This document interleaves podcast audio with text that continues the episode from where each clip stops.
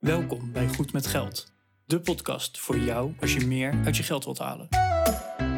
Je financiën op orde of eerder kunnen stoppen met werken? Schuif aan, want hier zijn we goed met geld.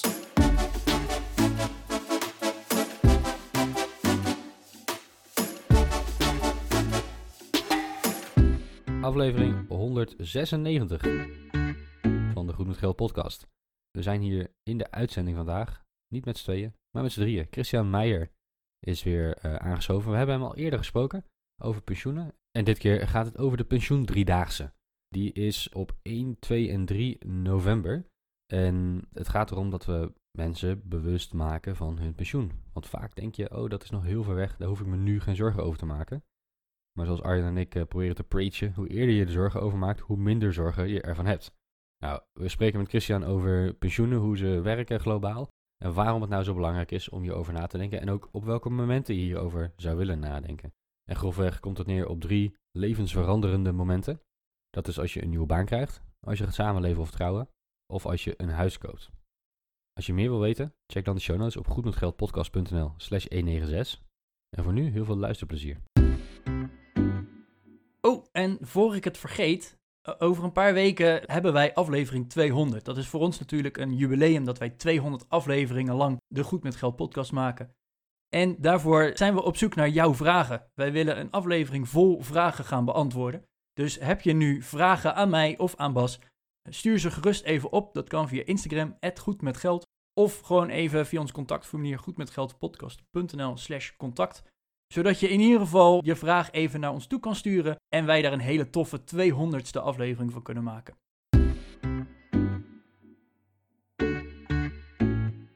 Goedemorgen Arjan. Hey Bas, goedemorgen. We zitten vandaag weer met z'n drieën in onze studio, Bas. Deze gast hebben we al eerder gehad, namelijk Christian Meijer, directeur bij Wijzer in Geldzaken. En ja, Christian, daar hebben we eerder al mee gesproken over de Week van het Geld. Nou, nu zijn we bijna een half jaar verder. En ondertussen hebben we het over de pensioendriedaagse. Dus uh, goedemorgen Christian. Goedemorgen jongens, leuk dat ik uh, weer mag komen. Ja, uh, natuurlijk. Ja, als Goed met Geld zijnde en de Goed met Geld podcast willen we Nederland een stukje beter maken met geld. Door slimme keuzes te maken. En jou, beste luisteraar, toch te informeren over dingen die spelen, dingen die belangrijk zijn in het leven.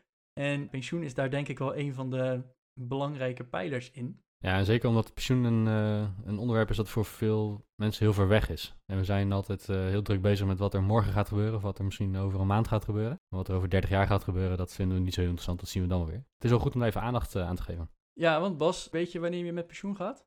Nee, ik weet wel wat mijn AOW-leeftijd is, maar... Wat, wat is je AOW-leeftijd? Laten we correct stellen. ik geloof, ik heb vanochtend natuurlijk nog even gekeken als voorbereiding. 69 en een paar maanden. Oké. Okay. 69? Volgens mij zei ik al op 71, maar... Oh, bijzonder. Ik, uh, ik, ik ja, het, het, Christian, jij bent denk ik iets ouder zelfs dan wij.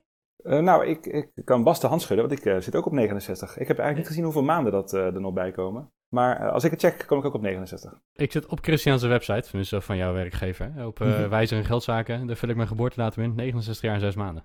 Oké. Okay. Dat is een tegenvaller, Arjen. Ja, ik, ik moet heel eerlijk zeggen, in de voorbereiding voor deze podcast heb ik het niet opgezocht. Um, ik heb het vijf jaar terug gedaan en toen stond er volgens mij uh, inderdaad, of in een 70 een nieuw, uh, nieuw, pensioenakkoord, nieuw pensioenakkoord is uh, tussendoor geweest, denk ik. Ja, dat zou zomaar kunnen. En de levensverwachting is ook weer wat aangepast. En nou, er zijn allemaal veranderingen geweest. Corona toch nog ergens goed voor. Hier, ja, hier gaan we toch nog erg... hier gaan we later ook nog op terugkomen. Want dit zijn ook van die dingen die wel meespelen met je pensioen. Maar Bas, Laten we eerst even voor alle nieuwe luisteraars, want deze aflevering wordt ook gedeeld door Wijzer in Geldzaken. Die kennen ons nog niet. Wil je ons leren kennen? Check vooral even de afleveringen waarin we onszelf introduceren. Maar ja, we hebben het eerder al over pensioenen gehad. Dus we hebben al een keer eerder uitgelegd van, hey, hoe werkt het pensioenstelsel? Maar Bas, laten we toch nog even het samenvatten. Voor iedereen die voor het eerst intuned. Het pensioenstelsel in Nederland. Dan moet ik hem even uit mijn hoofd uh, gaan doen, inderdaad. Uh, nou, we hebben een aantal pijlers uh, waarin we inkomen voor later, hè, voor als je niet meer werkt, hebben geregeld. En de eerste daarvan is de AOW. En de AOW regelt eigenlijk dat je vanaf een bepaalde leeftijd, je AOW-leeftijd, die we net hebben, net hebben opgezocht, in alle haast, dat, we die, dat je vanaf die leeftijd een uitkering ontvangt. Die uitkering die wordt volgens mij via een, een omslagstelsel betaald. Dat betekent dat degenen die op dat moment werken, betalen voor degenen die op dat moment de AOW ontvangen. Ja, dat, is- dat is eigenlijk het eerste stukje inkomen wat je in je pensioen krijgt. Op dit moment Ja. in elk geval. Hè? Dus Ja. hoe hoeverre dat in de toekomst houdbaar is, geen idee. De AOW is dan ook nog eens opgebouwd dat je een soort van premie betaalt. Eh, nou, sowieso hè, via jouw salaris betaal je de premie voor degene die nu AOW hebben. Ja. Maar de opbouw daarvan is elk jaar dat jij vanaf je 18e in Nederland woont, krijg je eigenlijk 2% AOW. Daar komt Oh ja. het eh, snel gezegd op neer. Dus als jij je uitschrijft uit Nederland en je gaat, weet ik veel, vijf jaar in Amerika wonen, dan heb je dus 10% minder AOW. Is eh, altijd ook wel ja. even belangrijk om te zeggen. Dus voor iedereen die nu aan het backpacken is en gewoon zich heeft uitgeschreven, zodat je ook eh, geen belasting of iets hoeft te betalen, dat kost je dus uiteindelijk ook AOW ergens. Eh, sorry Ja. voor deze vervelende boodschap. Maar Maar- 2% per jaar valt mee, hè, als je even 2% gebackpackt, dan, valt mee, eh 2% per jaar vanaf je 18e. En daarvoor hoef je dan niet aan het werk te zijn. Dat is ook wel even belangrijk. Je moet gewoon in Nederland woonachtig zijn. Maar daar hoef je dus niet de, de premie voor in te leggen of iets. Eh, dat is geen eh, gradatie ervan. Dat gebeurt dus wel automatisch als je werkt dat je wel premie betaalt. Ja, precies. Ja. Ja, misschien goed om toe te voegen, Arjan, eh, als je inderdaad aan het backpacken bent en eh, je zit er nu te luisteren ergens in Argentinië. eh, je kunt wel vrijwillig jezelf melden bij de Sociale Verzekeringsbank om alsnog die premie in te gaan leggen, zodat je die AOW-korting niet hebt. Oeh, oh, nou, dat is een hele goede tip. Die wist ik niet eens. Ik weet niet hoeveel mensen geneigd zijn om vrijwillig dit soort eh, zeg maar, belastingen of in ieder geval eh, premies te gaan betalen, maar eh, je, zo kun je dus wel voorkomen dat je AOW eh, later terugvalt. Misschien nog een idee. Nou ja, Kijk. dat is een goeie. Die nemen we ook even in de show notes op. Dat luisteraars nog even kunnen teruglezen hoe dat zit. Met ook een linkje naar de, naar de regeling. Een goeie, ja. De tweede pijler dan eh, is je werkgeverspensioen. Dus als je Ja. loondienst bent, dan, eh, nou niet, niet in alle beroepen en in alle werkgevers is dat zo, maar, maar de meeste werkgevers denk ik in Nederland eh, hebben enige vorm van pensioenvoorziening. Kan in allerlei smaken, vormen, maten. Gaan we niet allemaal benoemen. Maar het kan natuurlijk zijn dat je gewoon via je werkgever een pensioen opbouwt. Waarin een werkgever een stukje betaalt en of jij een stuk betaalt. En je op die manier een pensioen opbouwt. Ik wil hier even aan toevoegen. Er is onderzoek gedaan en een schatting is dat 1 op de 10 werknemers heeft geen werkgeverspensioen. Oké. Vind ik nog best wel veel. Dus eh, Ja. eh, daarom ook deze aflevering. Behoor jij tot die 10% van de mensen, dan is er sowieso actie nodig. En weet je niet of je tot die 10% mensen behoort, is er ook actie nodig. Welke actie, dat gaan we allemaal uitleggen. Check het even dan. ja, ja eh, dus als je via je werkgeverpensioen eh, opbouwt, dan kan dat zijn eh, dat er maandelijks vanuit, vanuit jouw inkomen een stukje wordt ingehouden om, om geld in een, of in een pensioenfonds te stoppen waarmee je een uitkering opbouwt, of in een, ja, hoe noemen ze dat, een, een beleggingsrekening is dat meestal, waarin een kapitaal wordt opgebouwd waarmee je uiteindelijk op je pensioendatum een uitkering kunt aankopen. En dat zijn ja, fiscaal voordelige regelingen, zeg maar. Dus je kunt Ja. dan vaak met bruto geld inleggen in je, in je pensioen voor later. Ja, en eh, het is inderdaad zo dat in 1 op de 10 gevallen eh, is dat dus niet het geval. Let bijvoorbeeld op als je bij een start-up werkt. Dat zijn vaak eh, bedrijven die natuurlijk om logische redenen proberen de kosten laag te houden. En dan bijvoorbeeld niet zo'n pensioenregeling aanbieden. Nou, dat is helemaal prima natuurlijk. Maar stel je voor je blijft daar vijf jaar hangen als werk, werknemer en je bent dus vijf jaar lang niks aan het doen. We gaan dadelijk praten over wat je zou kunnen doen. Ja, dan heb je geen pensioen opgebouwd. Ehm, het is zo dat als je werkgever zich aan heeft gesloten bij een CAO, dan is het over het algemeen, eh, hoort daar ook een pensioenregeling bij. Ja. Maar het is wel even de moeite waard om het te checken, ook als je trouwens een nieuwe baan eh, accepteert. Ja, het is, überhaupt goed om te checken, want eh, ik zit zelf in de ICT en ik, ik heb nu een eigen bedrijf met personeel. Ik ben in loondienst geweest bij twee andere bedrijven in het verleden. De salarissen in de IT die zijn best prima. Zeker op dit moment gaat het hartstikke goed. Maar de pensioenen zijn over het algemeen vrij erbarmelijk geregeld. Maar echt het minimale van het minimale. Dus eh, zelfs als je dan zegt, ja, ja, ik heb toch een werkgeverspensioen. Check even of je toch niet een pensioen gehad hebt. Eh, want het kan zijn dat je ja, echt maar het minimale opbouwt. Eh, dan kon het nog wel eens tegenvallen als je op een gegeven moment denkt van nou, ik ga met pensioen en de energierekening wordt afgeschreven en mijn ba- bankrekening is weer leeg. Dat, Ja. dat zou toch balen zijn. Ja, ja met, met Erwin van Salarisstijger hebben we het daar ook wel eens over gehad. Hè? Van, eh, als je van bedrijf A naar bedrijf B overstapt en je gaat, weet ik veel, van eh, 2000 naar 2050 per maand verdienen, dan kan die van 2050 misschien wel slechter zijn, omdat daar helemaal niks in pensioen ingelegd wordt, terwijl die bij 2000 juist vol inlegt. Dus Ja. dat zijn allemaal van die secundaire arbeidsvoorwaarden die echt heel belangrijk zijn. Maar goed, dat is dus pijler 2. Ja. Dan hebben we pijler 3. En pijler 3 is eigenlijk wat je zelf regelt. Als jouw werkgever gewoon alles, hè, er zijn een aantal regels hoeveel je in mag leggen, eh, afhankelijk van je leeftijd en afhankelijk van hoeveel je verdient. Als jouw werkgever zegt, hey, eh, ik ben heel goed voor mijn werknemers, ik pomp die, dat hele budget pomp ik helemaal vol en huppakee, dat, eh, dat gaat naar een ja, pensioenverzekeraar, pensioeninvesteerder, noem maar op. Dan heb je geen eigen ruimte, zoals dat heet. En uh, dan pijler 3, uh, ja, die kan je eigenlijk vergeten, want ja, daar mag je gewoon geen gebruik van maken. Maar als jouw werkgever nou helemaal niets voor je geregeld heeft, of maar de helft inlegt, dan mag jij in pijler 3 zelf inleggen. Nou, dat, dat heet jouw vrije ruimte. Daar is een hele ingewikkelde berekening voor, daar gaan we je nu niet mee vermoeien. Maar wel belangrijk om te weten dat die pijler 3 er is. Dus afhankelijk van jouw leeftijd en van jouw inkomen, mag je elke maand een bedrag inleggen, of elk jaar eigenlijk, want hè, het gaat per fiscaal jaar. En de ruimte die niet door de werkgever daarvan gebruikt wordt, die mag je zelf gebruiken. Het grote voordeel van die pijler 3 is dat dat belastingtechnisch heel voordelig is. Dus hè, effectief wat jij inlegt, dat gaat met uh, bruto geld. Dus uh, dat moet je wel volledig betalen. Stel je hebt 2000 euro ruimte, dan moet je wel in één keer die 2000 euro inleggen. Maar het jaar erop krijg je in april de belastingaangifte. Dan kan je aangeven van, hé, hey, ik heb daar geld op ingelegd.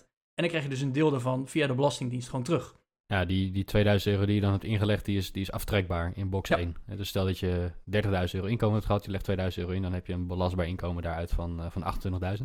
Even los van alle andere toeslagen, aftrekposten enzovoort.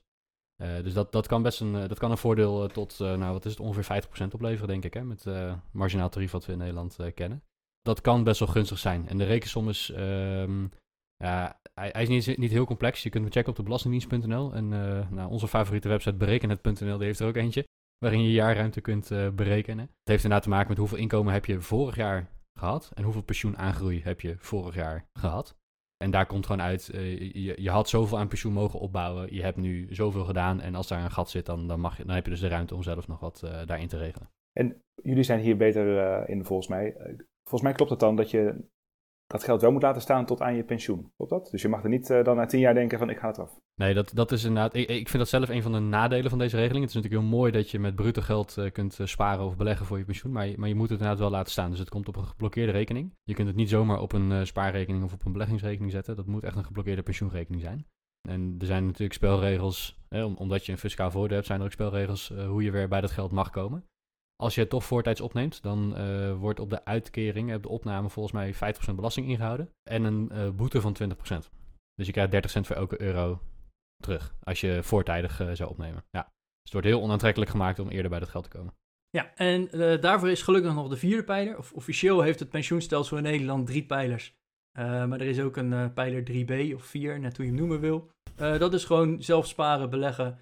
En als jij zegt van, hé, hey, ik ben, weet ik veel, 60 ik heb een enorme beleggingsrekening en ik ga daar lekker van leven. Nou, daar heb je al belasting over betaald. Dat leg je in met netto geld. Ja, niemand die jou tegenhoudt om gewoon te zeggen: hé hey baas, ik stop ermee. Ik heb uh, een uh, dik gevulde bankrekening of beleggingsrekening.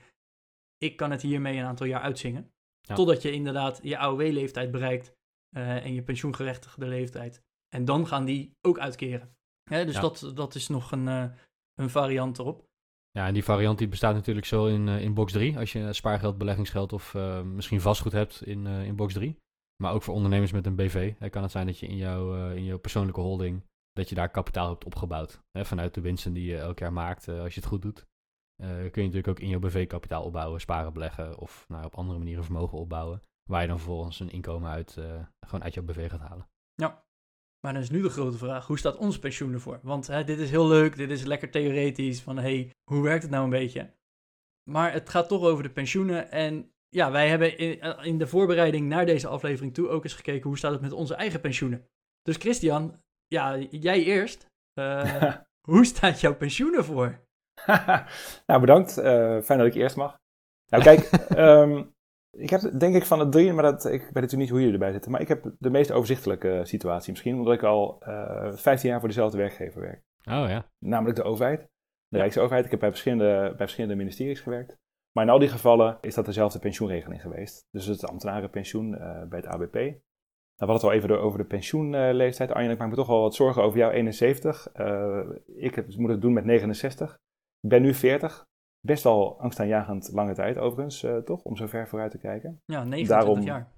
Ja, en dat, dus dat verklaart denk ik ook wel waarom veel mensen het moeilijk vinden om beslissingen te nemen over een pensioen. Dat, dat ja, is gewoon nauwelijks voor te stellen uh, hoe hmm. ver dat is.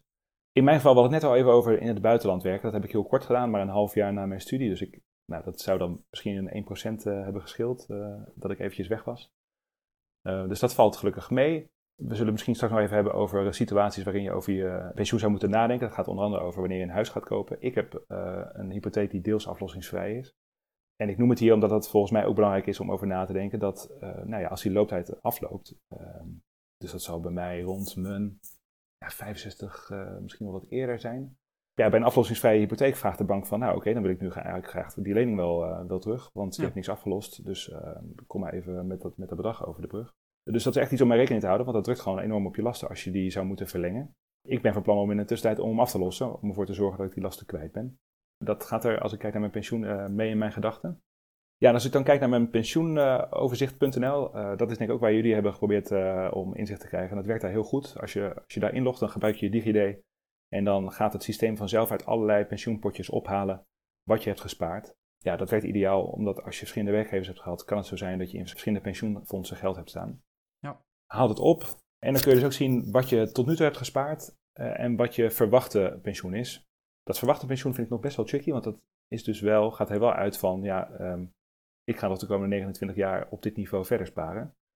En dat is natuurlijk maar helemaal de vraag of je dat, of je dat lukt. Ja. ja. Als je kijkt naar wat je tot nu toe hebt gespaard, dat is best wel, ik weet niet of jullie die ervaring ook hadden. Ja, daar, uh, daar word je niet per se vrolijk van. Je bent gewoon nog niet zo ver uh, op de leeftijd. Uh, ik ben 40, jullie, ik kan je moeilijk inschatten zo. Wij, zijn rond de 30, we zijn net 10 jaar jonger. Oké, okay, ja. dan zit hier echt in een andere league wat dat betreft. Dus dat, dat zal het helemaal tegenvallen als je ziet wat je tot nu toe hebt opgebouwd. Tegelijkertijd zie je wel dat als je via een werkgever spaart, dat het echt wel eh, gelijk een heel stuk meer is dan de AOW. Je moet je echt voorstellen dat de AOW is bedoeld voor je basisbehoeften. Dus dat, dat niveau ligt echt op het niveau van minimuminkomen. Uh, ja. Dus als je daarmee moet doen, dat is in ieder geval goed om je te realiseren. Zo van, nou, ik spaar toch voor de AOW. Ja, dat houdt niet over. En ik denk dat voor best veel mensen geldt dat dat uh, een ander niveau van welzijn is dan dat ze nu hebben, ja. als ze later zijn. Um, dus ik zie daar een in mijn geval ongeveer een 80-20 verdeling. Dus 20% is dan uh, eh, AOW en uh, de rest is een ander bedrag. Mm Of komt uit, komt uit, een, uh, uit de pensioenregeling. ik heb een beleggings, beleggingsrekening waar ik wat geld inleg. Box 3 is dat? of ja, misschien meer pijler 4 zoals jullie hem net noemen. Dus ik, ja, heb niet, dus ik, ja. ik, ik, probeer dan niet die, die belasting, want dat vind ik best wel ingewikkeld om... althans, ik vind dat best wel beperkend, die, die belastingregels. Dus ik hou dat in, in de vrije hoek. Ja. Uh, en ik doe dat via indexfondsen. Uh, ik ben omdat ik bij financiën werk bij een, op een plek waar, uh, waar ik niet zomaar in allerlei losse aandelen kan investeren. Vanwege een, een insiderregeling.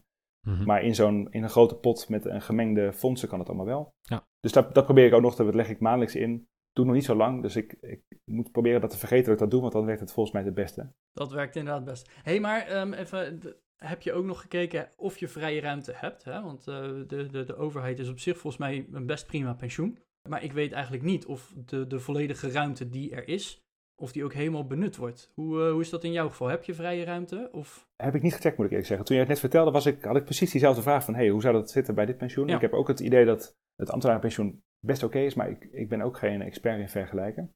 Het zou kunnen dat er nog wat ruimte is. Ik, ik heb daar geen, uh, geen idee van. Dus dat is een, uh, die schrijf ik op voor mezelf in mijn aantekeningen om te kijken hoe dat eigenlijk zit. Toch goed om even te controleren dan. Ja, ja. ja. ja en ik vind dus heel goed dat, uh, dat we het hierover hebben. Want bij mij werkt het, werkt het zo dat toen ik dit voor het eerst gecheckt had, Anje, jij vertelde, ik heb het een paar jaar geleden gecheckt. Het plant een soort zaadje dat je in je achterhoofd hebt van oké, okay, er moeten die dingen geregeld worden. Of oké, okay, dat viel een beetje tegen. Of oké, okay, ja. ik ben op een van die onderdelen op, op het goede pad bezig dat helpt met uh, jezelf in actie krijgen, denk ik. Dus die, die, eerste stap, en dat is waarom wij ook die pensioendriedagen organiseren, die eerste stap is super belangrijk. Ja. Weet überhaupt hoe het zit. En uh, jullie uitleg erbij over die, die pijlers helpt er ook heel erg bij. Begrijp waar je mee bezig bent, want op een moment is het super fijn als je voor de komende 30 jaar het goed geregeld hebt als je met pensioen gaat. Uh, hopelijk worden we allemaal oud en gelukkig.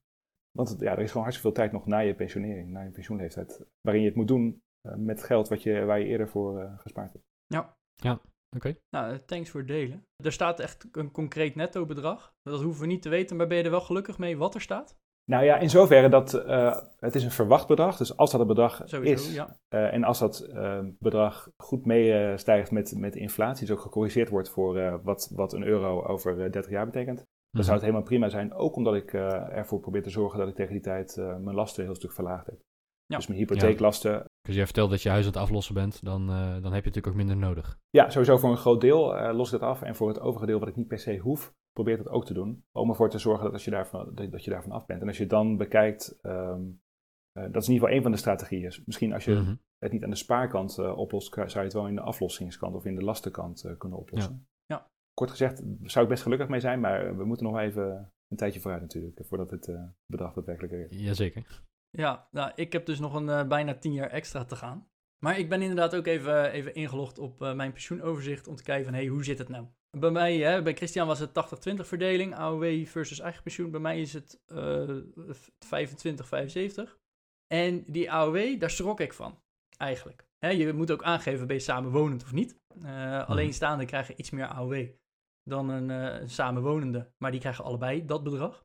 Maar ik schrok er wel van hoor, in je eentje 700 euro, of als je samen bent, hè, 700 euro per persoon aan netto AOW. Dat vond ik eigenlijk best wel weinig. Dat ik dacht van oké, dus dan heb je met z'n tweeën 1400 euro netto. Nou, daar zullen nog wel wat belastingdingen omheen zitten. En hè, misschien krijg ik netto wel minder, omdat er een aanvullend pensioen is.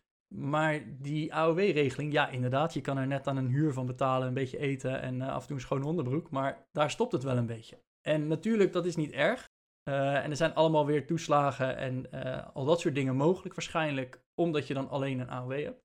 Maar ik schrok er eigenlijk wel van dat ik dacht van ja, ik ben blij dat mijn werkgever die hele pot vol stort. Want mijn werkgever die stort hem echt helemaal vol. Ik heb een aantal jaar terug al gekeken van hey, uh, hoeveel vrije ruimte zou ik zelf hebben? Nou, die was er niet op de overuren na die ik heb gemaakt. Dus de overuren, dus extra salaris, daar creëer je weer wat extra ruimte mee.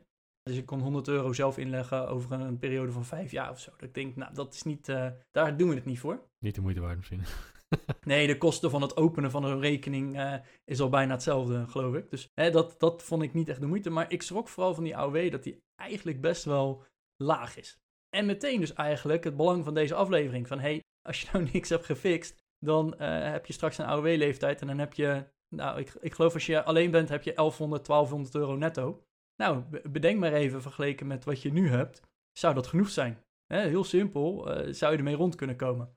Dus uh, dat vond ik sowieso. Nou, wat ik zeg, bij mij is het een, uh, een 25-75 verdeling.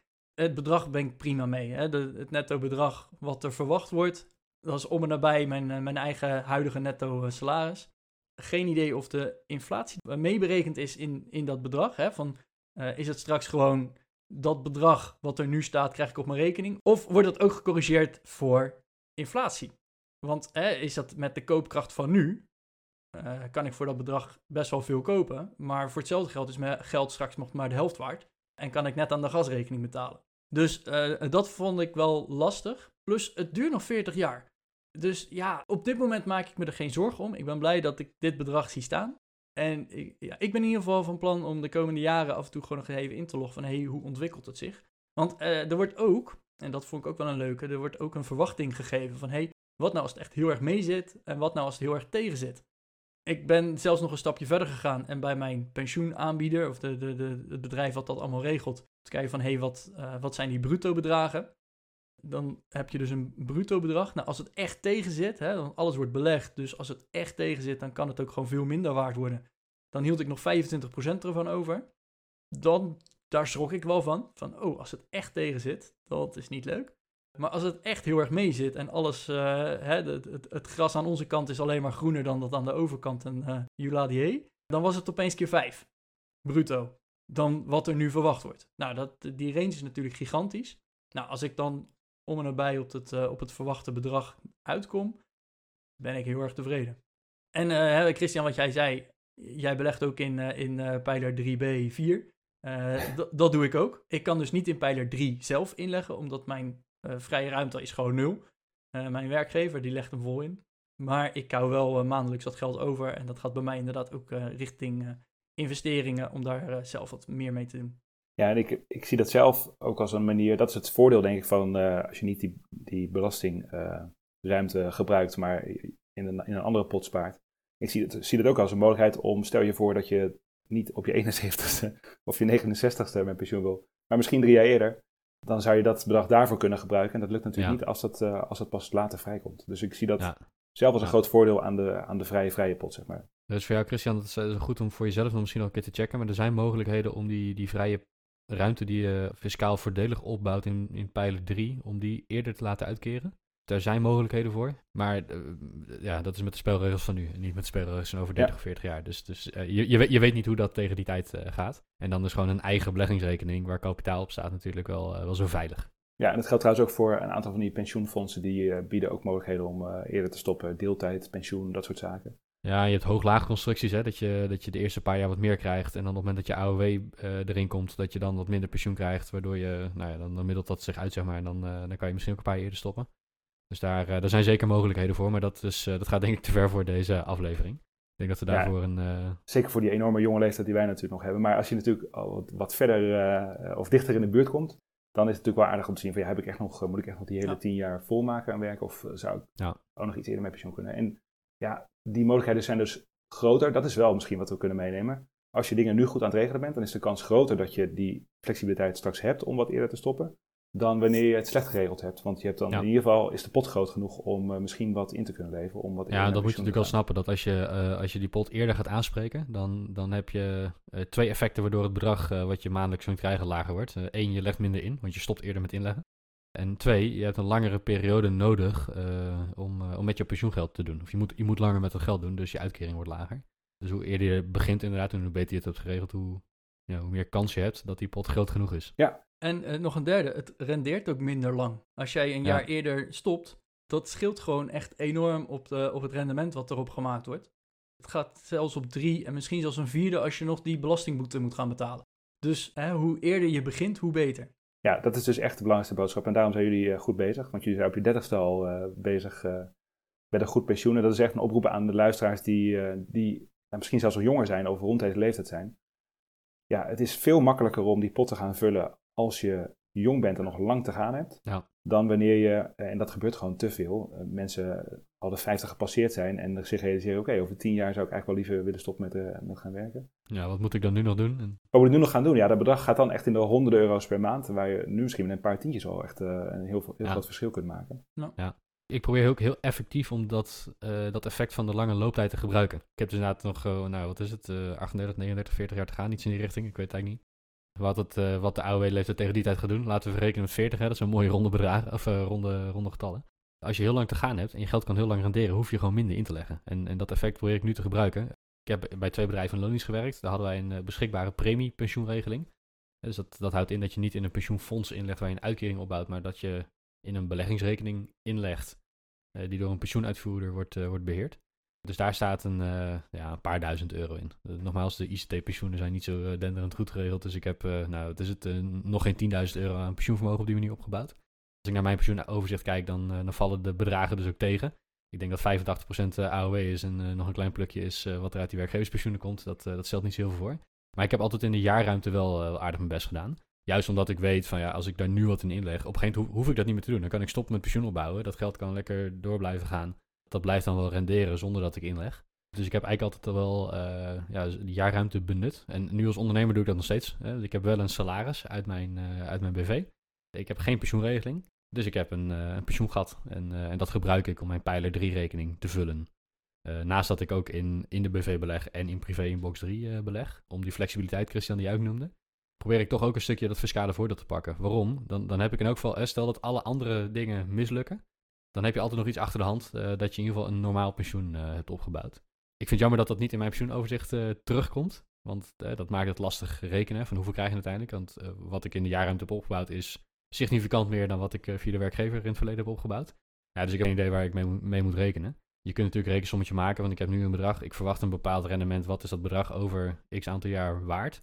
Ja, dan staat daar een bedrag met uh, nou, een hoop cijfers. En dan is de vraag van hoeveel uitkering kan je daar dan vervolgens aan aankopen. Ja, ook geen idee. Dat hangt ook weer af van de rentestanden en nou, noem het maar op.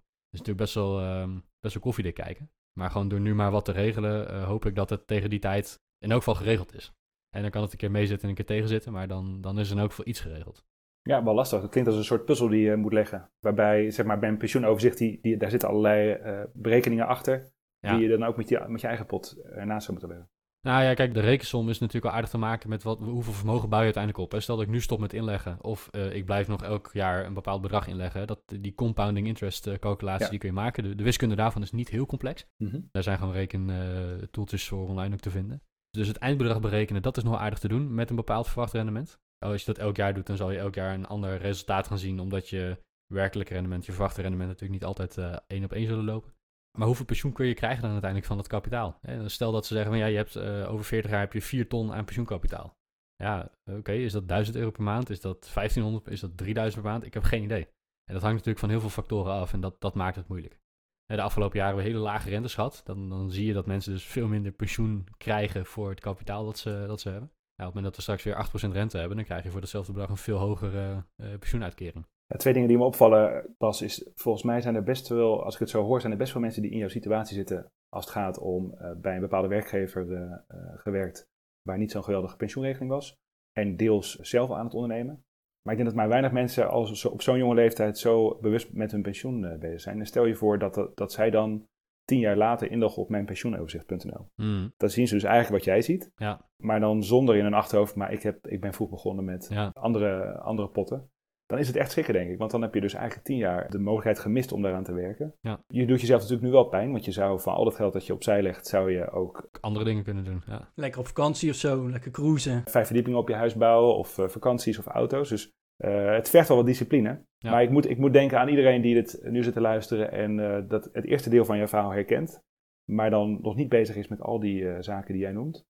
Dat is, uh, dat is de doelgroep waar we ook met de pensioenvillage op richten. Want kort geleden was er nog een rapport van de Nederlandse Bank. Mm die aangeeft dat uh, juist ZZP'ers en ondernemers enorm kwetsbaar zijn. Omdat ze zo weinig hebben opgebouwd voor een pensioen. En dit kan ik me goed voorstellen. Want op jonge leeftijd kan je dat geld ook echt aan andere dingen gebruiken. Je bent ook druk met, je, met alles, met het leven zeg maar. Mm. Maar voor je weet is het tien jaar voorbij waarin je had kunnen sparen voor je pensioen. En dat heb je dan niet gedaan. Echt zonde. Ja. ja, dat is zonde. We zullen in de show notes ook even een rekensom opnemen van... Uh, stel je wil een x-bedrag hebben op je, uh, nou op je 70 laten we het even zo uh, berekenen. Hoeveel moet je dan elk jaar of elke maand inleggen als je op je 25ste begint... of als je op je 30ste begint of als je op je 35ste begint? Om gewoon even inzichtelijk te maken van als ik een paar jaar wacht, hoeveel kost mij dat maandelijks aan, aan extra inleg om toch datzelfde eindresultaat te halen? Ja. ja, want het is niet alleen de, de extra inleg, maar het is ook dus het rendement wat je mist. Hè? Uh, ja. Er zijn een aantal methodes om daarmee te rekenen. Wat doet de beursgemiddeld bijvoorbeeld? Dat, dat kan je allemaal meenemen. Maar elk jaar daarop, dat is echt een gigantisch verschil. Elk jaar dat je eerder begint, dat, dat maakt echt duizenden euro's verschil. Uh, zeker bij zulke bedragen. Hmm. Maar uh, Christian, jij, jij gaf al aan van hey, de pensioendriedaagse.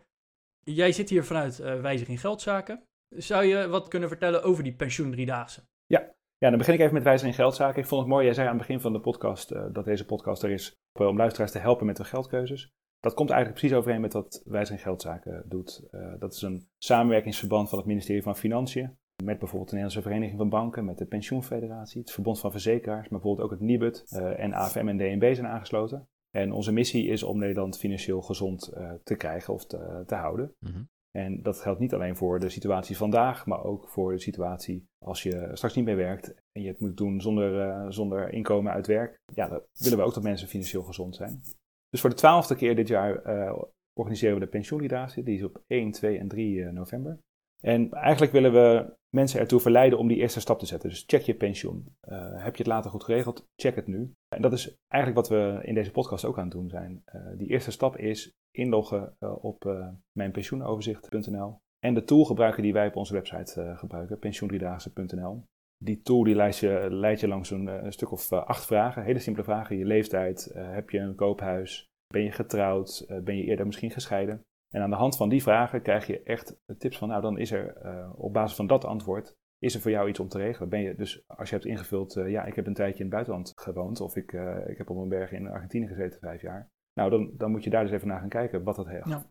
voor gevolg heeft gehad voor je AOW. Of als je gescheiden bent geweest, uh, nou, dan is je partner, uh, je ex-partner heeft waarschijnlijk een aanspraak op je pensioen bijvoorbeeld. Ah, ja. Goed om te weten. Nou, dat, ja. Uh, ja. Dat, dat wist ik niet eens. En beste luisteraar, even die mijnpensioenoverzicht.nl.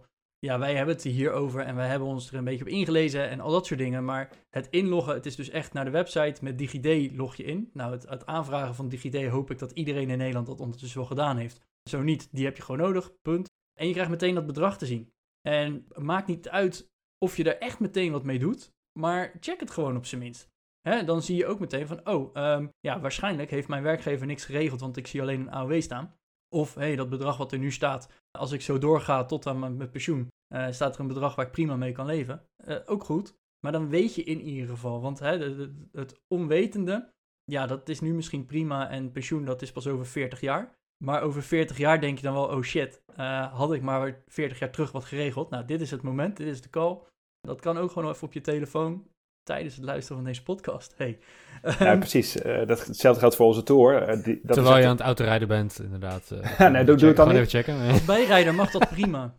Ja, dat is waar. onze tour ook, die, dat, dat kost je echt twee minuten inderdaad. Ja. En dat geeft je echt een eerste opstapje. Kijk, daar staat niet in, klik hier, dan is alles goed geregeld. Maar er staat wel in wat in jouw situatie aandacht vraagt. Ja. Dus oh bijvoorbeeld, ben je ondernemer? Nou, dan, dan is dat een vlaggetje omhoog. Oké, dat, is, dat is natuurlijk helemaal prima en hartstikke mooi. Maar dan valt er dus een deel van uh, ja, pijler 2 waar we het net over gehad hebben, die is er dan niet vanzelfsprekend. Nou, zo zijn er een aantal, ik hoor jullie een aantal, uh, ja, zoals bescheiding, ja, uh, dat is soms gewoon helemaal niet bekend dat het een, uh, dat het een, een opletpunt is. Dus die pensioendiedaagse die draait allemaal om de eerste stap. En wat we doen is dat we in media de aandacht voor vragen. dus dat zal een campagne zijn op radio, tv en op internet.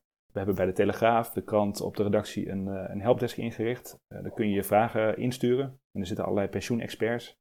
Die zitten daar om, om vragen te beantwoorden voor de situatie waarin je zit. Ehm, ja, dat is hartstikke handig. De Telegraaf besteedt daar ook uh, natuurlijk in de krant dan uh, aandacht aan de situaties die, uh, die voordoen. Ja, op woensdag hebben we de uitreiking van de pensioenwegwijzer. dan reiken we een prijs uit aan een organisatie die zijn best doet om, om Nederlanders te activeren. Vaak zijn dat pensioenaanbieders of andere financiële partijen die een manier hebben gevonden om hun klanten of om Nederlanders die eerste stap te laten zetten omdat we gewoon weten dat het lastig is om jezelf te transporteren naar over 30 jaar, zeg maar. Ja. Hmm. Er zijn bedrijven die daar goed over nadenken, die reclamebureaus in de hand nemen van welke triggers kunnen we nu gebruiken oh ja. om dat voor elkaar te krijgen. En de partij die dat het beste doet, krijgt dit jaar voor, uh, krijgt daarvoor een prijs. Voor ons dat doen we voor de achtste keer. Oké. Uh, nou, dat zijn manieren waarop we proberen om, uh, om heel Nederland eigenlijk te laten doen wat we hier aan het doen zijn. Ik denk dat niet veel Nederlanders een half uur besteden aan praten over hun pensioen. Maar ik heb het gevoel dat we daar heel erg mee geholpen zijn, eh, wij drieën, zeg maar. Dat we weten van, nou, dat, er zijn een paar uh, zaken waar je op moet letten. Ja, ja en het is gewoon handig om, uh, om actie te kunnen ondernemen. Want dat, dat merk ik ook. in mijn vriendengroep bijvoorbeeld. Over het algemeen, ja, je zit toch in je bubbeltje. Hè? Dus over het algemeen best wel hoogopgeleide mensen die, die zaken goed hebben geregeld voor zichzelf. Maar hier geen verstand van hebben. Die pensioen, ja, weet je, ja, volgens mij heb ik via mijn werk wel wat geregeld. Ja, oké, maar check het even. En dan checken ze het. En dan denk ze, ja, oké, ja, er staat iets. Maar, maar dan, dus je, moet je moet actie gaan ondernemen uiteindelijk. En ik denk dat dat het heel belangrijk is om, uh, om, om mensen een zetje in de rug te geven daarmee. Ja, dat heeft het imago dat het super ingewikkeld is. Ik hoop dat het ons gelukt is om het hier best wel overzichtelijk te maken. Dat, dat pensioenstelsel, ja, uh, daar zitten allemaal haken en ogen aan. Maar er zijn ook gewoon een paar best wel duidelijke basiselementen. De, de basisstappen zijn in ieder geval heel simpel. Check mijn pensioenoverzicht. Christian Wijzer in Geldzaken, die, die heeft natuurlijk al die, die extra vragenlijst. En die, die wijzen ook door naar mijn pensioenoverzicht. Die inderdaad overigens alleen voor pijler 1 en 2 is. Hè? Dus pijler 3, als jij zelf belastingtechnisch voordelig een afgeschermde rekening of een, een, een beleggingsrekening hebt, staat dat er niet in. Als je zelf spaart, staat dat er niet in. Maar hè, pijler 1 en 2 zijn in ieder geval heel belangrijk dat die erin staan. Op welke momenten, hè, als, als luisteraars dit nu luisteren en die denken van, oh ja, maar ik heb het vijf jaar terug nog gekeken en toen was het wel prima. Mhm. Op welke momenten zouden mensen nou sowieso moeten kijken? En ik denk dat elke vijf jaar al te weinig is. Ik zou het eerder elke twee jaar gewoon even doen. Hè? Het kost je twee minuten, kom op, dat, dat is niet het, het werk. Maar op welke momenten zou je nou extra aandacht aan je pensioen moeten geven? Ja, wij richten ons op uh, de doelgroep van 30 tot 55 jaar. We hebben het er net over gehad dat dat je, nou het liefst natuurlijk 30 eh, in plaats van 55, maar dat zijn mensen die nog echt in actie kunnen komen en nog iets kunnen uh, veranderen in hun pensioensituatie. In die leeftijd maak je levensgebeurtenissen mee waarbij, je echt, waarbij het goed is om je te, te verdiepen in je pensioen. We hebben er drie uitgekozen waarvan we denken dat die redelijk vaak voorkomen in deze doelgroep en waarbij het heel logisch is om na te denken over je pensioen. Allereerst een huis kopen. Dat is volgens ons logisch, omdat je dan vaak een langere verbindenis aangaat. De meeste mensen kopen een huis uh, gecombineerd met een, uh, met een hypotheek. Die hypotheek heeft vaak een looptijd van 30 jaar, is denk ik best een gemiddelde looptijd. Althans, is het misschien 20 jaar. En nou ja, dat betekent dat je, als je dat doortrekt, stel je koopt een huis op je 45ste, looptijd van 30 jaar, dan loopt het laatste deel van je hypotheek loopt gewoon door in je pensioen. Dan is het super verstandig om na te denken van oké, kan ik me dat tegen die tijd wel veroorloven? Want ik heb een, ja. uh, maand, uh, maandlast die helemaal prima past bij het inkomen dat ik nu heb. Uh, maar hoe zit het eigenlijk als ik dadelijk met pensioen ga? ga? Heb, ik dan, heb ik dan alleen mijn AOW? Je noemde net het bedrag, de hoogte van het AOW-bedrag. Nou, dat wordt soms best lastig als je dat moet combineren met een hypotheek die dan nog drukt op je maandlasten. Ja. Terwijl als je ondertussen al gespaard hebt, is dat goed te doen in veel gevallen. Dus dat is een goed moment om, uh, om er naar te gaan kijken. Er zitten nog meer haken en ogen aan. Onder andere als je, dat, uh, als je een huis koopt met iemand anders. dan is het goed om te kijken van, ben je ook voor je pensioenpartij een partner? Want er is vaak een nabestaande pensioen geregeld voor degene met wie je samen bent. maar dan moet die pensioenpartij wel weten dat je samen bent. Dus als je niet getrouwd bent bijvoorbeeld, is dat niet automatisch geregeld. Dus het is heel verstandig als je een andere status hebt dan getrouwd of officieel ergens vastgelegd bij zijn partners, om dat te gaan regelen. Mocht je iets overkomen, dan blijft je partner niet uh, zonder nabestaande pensioen achter. Want dat zou ook kunnen betekenen dat hij zijn, uh, het huis niet meer kan betalen. Ja. Oké, dus huis kopen? Ja, we hebben het net al gehad over, een, uh, over werkgevers, het werkgeversdeel. Dus als je een nieuwe baan accepteert, dan zou je kunnen laten verblinden door het hoge salaris of de leaseauto die erbij zit of wat, voor, wat voor element je ook zo aantrekt in die, in die baan. Maar het is heel erg verstandig om dan ook te kijken hoe is de pensioenregeling. We hebben net voorbeelden al langs horen komen dat het eigenlijk best wel, nou, of het is niet geregeld, dat is dus in 1 op de 10 gevallen zo. Dat is helemaal een, een red flag. Of het is een best wel karige pensioenregeling en is het dus verstandig om die nog aan te vullen. Dus uh, nou, zeker in deze markt uh, er zijn natuurlijk hartstikke veel, uh, veel wisselingen op de arbeidsmarkt. Mensen die, die hoppen van de ene baan naar de andere baan. het kan zijn dat je daarbij te weinig aandacht hebt voor de pensioenregeling die daarbij hoort. Um, dus doe dat alsjeblieft. Het is echt een kleine moeite en er zijn gewoon werkgevers die, die op dit vlak beter aan hun werknemers denken dan, dan anderen. Ja. En derde is al een beetje wat ik, wat ik net noemde. Als je samen gaat wonen met je partner, uh, maar dat is nog niet, heeft nog niet een officiëlere status dan dat, is het dus goed om te kijken wat betekent dat voor mijn pensioen. Mm En wat ik net al even noemde, en dat is dan de minder romantische kant, is namelijk als je uit elkaar gaat, dan kan dat soms ook invloed hebben op je pensioen. Dus dat betekent in sommige gevallen dat je, dat je ex-partner aanspraak maakt op je pensioen. Nou, goed om dat te weten, want anders reken je met het verkeerde bedrag als je dadelijk met pensioen gaat. Blijkt dat er een deel daarvan dat volgt natuurlijk uit een logica, want je hebt het ook voor een deel samen opgebouwd, het pensioen, toen je samen was en een, een, huishouden vormde en uh, samen werkte misschien dan. Nou, dat betekent ook dat er een deel van, van je pensioen daarna gaat. Dus dat is echt goed om, om je in te verdiepen als dat het geval is. Als je onze pensioen in, toe invult op pensioenidatie.nl, dan is dat dus ook een van de vragen of je eerder, eerder gescheiden bent. Dat heeft gewoon effecten. Nou, dat zijn dus drie situaties. Ik zei al, het is wat minder romantisch om het hierover te hebben met je partner. Tegelijkertijd, als je toch je geldzaken goed aan het regelen bent uh, als je een huis koopt, of als je geldzaken aan het regelen of aan het bekijken bent als je een aanbod hebt van een volgende werkgever, ja, pak het gewoon even mee met de kennis die, uh, nou, die je hier opdoet of die je uh, ophaalt bij, op onze site of op die van pensioenoverzicht.nl. Zodat je goed geïnformeerd beslissingen neemt. Dat is volgens mij, nou, dat is in ieder geval waar wij zijn geldzaken voor staat, maar dat is ook volgens mij het doel van jullie podcast. Goed geïnformeerd keuzes maken op financieel vlak. Ja, nou, een hele duidelijke boodschap. Wijzer in geldzaken wil Nederland ook gewoon een stukje beter met geld maken. In dit geval juist die focus op de pensioen driedaagse om gewoon even je pensioen te checken. En echt, en eh, nogmaals, ik blijf het zeggen, mijnpensioenoverzicht.nl, het is echt drie minuten werk. check het gewoon even. Wil je nou meer informatie hierover? Uh, dat kan natuurlijk. Hè? Uh, sowieso, wij hebben het eerder al gehad over pensioenen. Aflevering 51 hebben we het over jaarruimte, reserveringsruimte, dat soort dingen. Uh, we hebben ook wel eens onze visie op pensioenen gedeeld in aflevering 142. Dus zit je nu op Spotify te scrollen, dan kan je daar natuurlijk ook naartoe scrollen. Maar er zijn veel meer websites. Sowieso de website van Wijziging Geldzaken. Daar heb je ook een kopje pensioenen. Waarin je gewoon allerlei informatie ook kan vinden. Die klopt met doorverwijslinkjes. En hè, hoe werkt het nou? Zeg je van, nou, ik, uh, ik kijk nu naar mijn pensioenoverzicht en ik schrik me kapot omdat er alleen een AOW staat. Dat is misschien wel een call to action. Want ja, eh, hoe langer je aan het opbouwen bent, hoe langer het kan renderen, hoe beter het eigenlijk ook voor jou gewoon is. Dat kan natuurlijk met een financieel adviseur. Er zijn ook partijen waar het zelf kan doen. Er zijn commerciële partijen genoeg die het uh, ook gewoon op die manier aanbieden met genoeg uitleg. Nou, we hebben de website berekennet.nl ook al een keer genoemd, omdat je daar ook gewoon even makkelijk kan berekenen van hey, hoe zit het nou met die rente op rente opbouw? Hè? Hoe, hoe werkt dat nou? Wat, waar zitten dan de verschillen? En Christian, jij gaf nog een andere website aan. En daarmee gaan we afsluiten, want iets wat wij, uh, en dat komt in onze mening en onze visie op pensioenen ook voor, dat hebben we vandaag al gehad. Het is iets over, nou in ons geval 40 jaar, Christian, jij mag over 30 jaar al uh, uh, met pensioen. Maar het wijzigt. En wat nu zo is, hoeft over 30 of 40 jaar niet zo te zijn. Ik weet nog dat de eerste mobiele telefoon er kwam. En dan heb je zo'n mooi jaren 90 filmpje, heb ik toch niet nodig. Nou, tegenwoordig kan niemand meer zonder. Over 30 jaar is de wereld gewoon anders, dus waarschijnlijk ook het belastingstelsel en het pensioenstelsel. Ja, dat maakt het wel heel lastig, want je weet het gewoon niet. En dan kan je maar beter gewoon nu het wel goed regelen, of voor wat nu een goede regeling zou zijn, dan helemaal niets doen. Maar eh, dat waren ook de eerste vragen bij ons van ja, maar het pensioenstelsel gaat wijzigen. Christian, jij gaf aan dat ligt nu in de Tweede Kamer en dat moet nog door naar de Eerste Kamer. Maar er zijn wel plannen, hè? Er, er zitten een aantal wijzigingen aan te komen om het uh, wat overzichtelijker te maken. Want het is toch wel een, een, aardig bos. En als je door de boom het bos niet meer ziet, dan uh, wordt dat best wel lastig. Dus het, het moet wat eenvoudiger. Maar ook meer om te voorkomen dat jij straks alleen maar je AOW'tje overhoudt. Hè? Dat het wat makkelijker wordt, dat het automatischer gaat en, en al dat soort dingen. Maar die plannen zijn nog niet af. Hè? Want ze moeten nog door de Tweede Kamer, door de Eerste Kamer.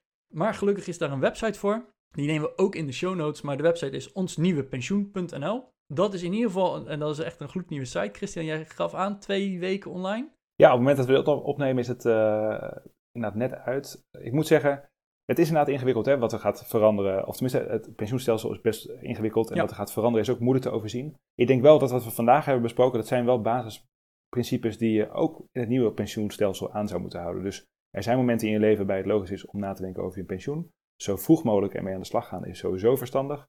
Want dan heb je een langere looptijd, uh, kun je, kan je makkelijker sparen. Dus ik, ik zou niet zeggen dat als er een nieuw pensioenstelsel is, dat daarmee deze hele aflevering eh, van Spotify af kan, omdat die niet meer relevant is. Uh, maar het is wel belangrijk om te weten wat gaat het precies veranderen. En we kunnen dat eigenlijk we kunnen dat moeilijk recht doen hier in, in deze afdeling, althans in dit kort stukje wat we nog hebben, wat er precies gaat veranderen. Maar ons nieuwe pensioen gaat over wat de plannen van het kabinet zijn.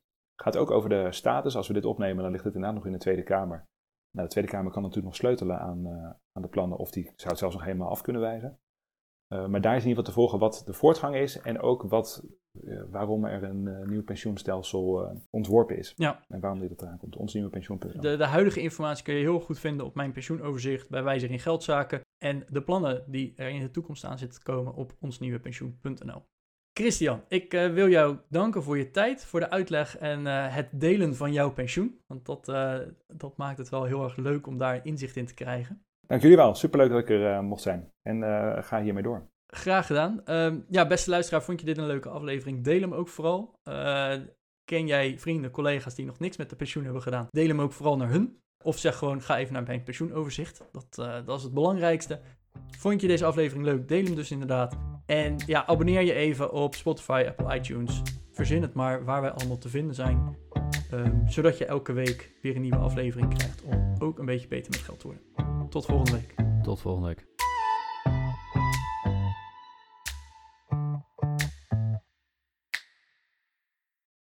Oh, en voor ik het vergeet, over een paar weken hebben wij aflevering 200. Dat is voor ons natuurlijk een jubileum dat wij 200 afleveringen lang de Goed met Geld podcast maken.